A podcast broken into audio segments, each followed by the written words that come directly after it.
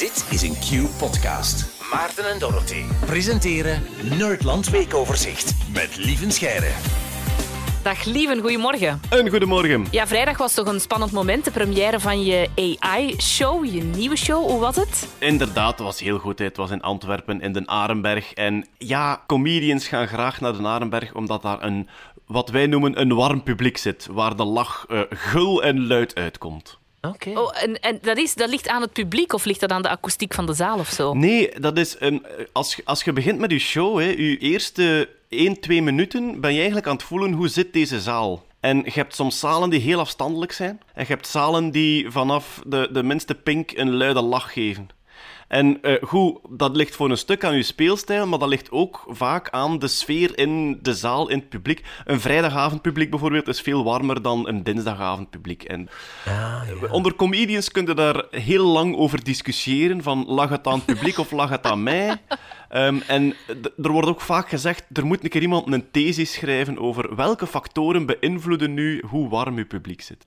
Voilà, iedereen mag deze tip voor een thesis gewoon Ja. dan stelen uit de Ik zou show. hem ook lezen, want bij DJ-sets is dat eigenlijk Ah, hetzelfde. voilà. Ja, dat is, ja, pas je je dan aan als je het een of het ander voelt? Of denk je dan van, oei, ja, niet de topzaal, maar ja, we gaan door. Voor een warme zaal spelen ehm, is gemakkelijkst natuurlijk. Ik moet ook zeggen, uw show wordt beter door veel warme zalen te spelen, omdat je veel meer gaat freewheelen en nieuwe mopjes verzint. Ah, ja. Voor een koude zaal spelen, eigenlijk zou dat moeten een cursus zijn voor beginnende comedians, omdat iedereen maakt dezelfde fout. Als je zaal wat koud zit, ga je keihard op jacht naar die lach. En je gaat veel te snel spelen, je gaat eh, stukken overslaan, van punchline naar punchline springen en dan verliest je zelf je tempo en dan ben je de zaal helemaal kwijt. Dus, als je geconfronteerd wordt met een koude zaal, rustig blijven. Rustig blijven en jezelf ook amuseren. Hè. Ik denk dat dat ook Ja, belangrijk zeker. is. Dat je Vanaf zelf- dat je zelf in een kramp zit. Ja. Maar ik moet zeggen, eh, Ja, die, voilà. die lachthesis, eh, met veel plezier. Hè. Als er iemand zegt van, ik zit in een richting waar dat eigenlijk wel kan. eh, ik ben zeker dat heel veel comedians lang willen discussiëren over ehm, hoe, hoe moet een zaal zitten. Het gaat zelfs over de vorm van de stoelen en zo. Hè. de temperatuur in de Oh. zaal. Er zijn een paar zalen in België, en ik ga ze niet bij naam noemen, maar waar comedians met een klein hartje naartoe gaan, omdat dat notoir koude zalen zijn.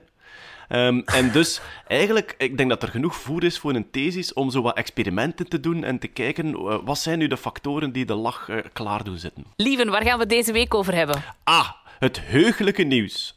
Dat de nerdboeren van Amerika eindelijk terug hun eigen tracteur mogen herstellen. Oké. Eindelijk! Ruraal Eindelijk. ochtendnieuws. Ja, Het gaat hem over een jarenlange strijd tussen eh, Amerikaanse landbouwers en John Deere. John Deere ken je waarschijnlijk. Tractoren, landbouwmachines, zo die typische Ja, groene tractoren met gele accenten.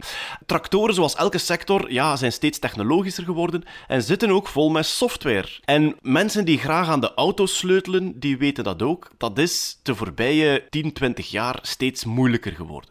Alles wordt weggestoken, onderdelen worden weggelijmd, je kan daar zelf niet meer aan sleutelen. Vanaf dat je iets verandert aan je auto, blokkeert de software enzovoort.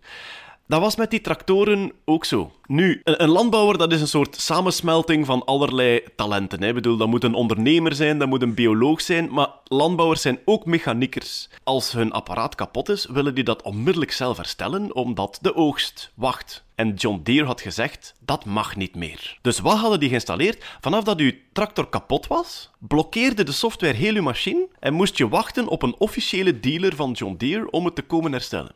En die landbouwers zeiden natuurlijk niet mee ons, hè, makkers. Dat is hier zo typisch een manier om alle inkomsten bij jezelf te houden. En eh, ook wat iedereen wil tegenwoordig, als je een product verkoopt, dan wil je niet alleen verdienen aan het product, maar je wil daarna nog maandelijkse inkomsten voor abonnementen en voor extra dienst. Ja, dat is goed om geld op te halen. Hè. Ja. Als je zegt, eh, ja, het is een abonnementsformule, dan, wow, dan staat iedereen klaar om te investeren natuurlijk. Ik word gek van die eh, ja, recurring income, heet dat dan. En dingen die je vroeger gewoon kocht, moet je nu een maandelijks abonnement op betalen. En eh, ja, bon, ik, word, ik krijg daar een punthoofd van. En dus Zetelverwarming, ja, dat is 12 euro per maand. Effectief, hè, bij, bij, ja, vorig jaar bij, bij, bij een automerk in Amerika ergens.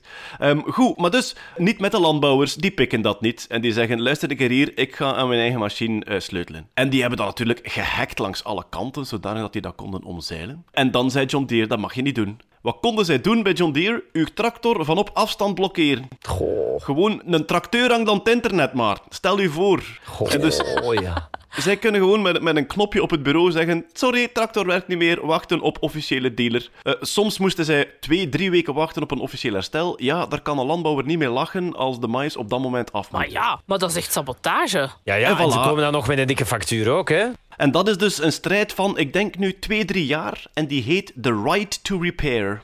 Eh, Het gaat eigenlijk breder dan tractoren. President Biden heeft zelfs een Right to Repair Act opgesteld. Wat daar eigenlijk in staat is dat ehm, vanaf dat je een product gekocht hebt, ben je daar eigenaar van. En heeft eigenlijk de verkoper zich niet meer te moeien met wat je daar wel en niet mee doet. Dat geldt voor tractoren, maar ook voor smartphones. Ik weet niet of iemand van jullie ooit de eigen smartphone hersteld heeft. Jij had dat toch eens voor toen je schermstuk was? Ja, en dan heb ik dat voor een collega een nieuw schermpje ehm, laten leggen. Ja, dat vond ik super tof. Dat zit ook wel een beetje in de nerdcultuur, makercultuur. Je hebt hele websites en YouTube-filmpjes die je uitleggen waar dat je een nieuw scherm koopt en hoe dat je zelf je telefoon openvijst en dat nieuw scherm daarin klikt. En ik heb me daar uren mee bezig gehouden. Dat is redelijk stressvol, want als je verkeerd klikt, dan is heel je telefoon kapot.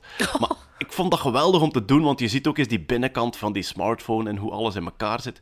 Ja, dat wordt steeds moeilijker. Want ik raad het nog altijd aan aan mensen. Hè. Als je het risico wil nemen, zelf een herstelling doen is geweldig interessant.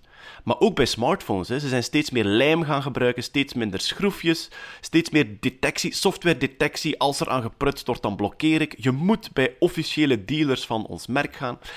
En dat valt ook onder die Right to Repair Act. Dus dat de boeren hun slag thuis halen is nu heel goed nieuws voor ons allemaal, hè, voor, voor alle prutsers en knutselaars eh, samen. Want ja, dat schept een soort precedent van als ik een product koop, dan mag jij dat niet voor mij op afstand blokkeren. Ik heb dat gekocht, ik ben daar eigenaar van, ik moet dat zelf kunnen opendoen, herstellen en zelfs hacken en andere software opzetten als ik dat zou willen. En dus allemaal te danken aan de nerd power van de Amerikaanse landbouwers. Dat zijn echt jouw helden, hè? Dat is echt wel duidelijk, hè? En wat, ik moet echt zeggen, maar zo die mentaliteit van, ah ja, dus ik mag dat niet van u, dan wijs ik het zelf open. En ik vind dat ook ergens poëtisch, hè, dat zo'n landbouwer, waar dan mensen vaak een soort clichébeeld bij hebben, dat dat ook een halve informaticus geworden is. Die, die mensen hangen laptops aan hun eigen machines, die lezen die software uit, die downloaden pakketten. En ja, de echte durvers, die hacken de boel enzovoort. Ik krijg een soort MacGyver-gevoel bij de, bij de Amerikaanse landbouwer. John Deere laat de reparaties van tractoren toe. Dankzij de nerdboeren, de power nerds, de powerboer nerds. Enfin, noem, je ze, noem ze zoals je wil. Lieve Scheire, eh, voor jou zijn het de helden. Zo is dat. Tot volgende week, lieven. Bye bye. Yo, dag. Dit was een podcast van Q-Music. Wil je meer? Wil je meer? Kijk op qmusic.be.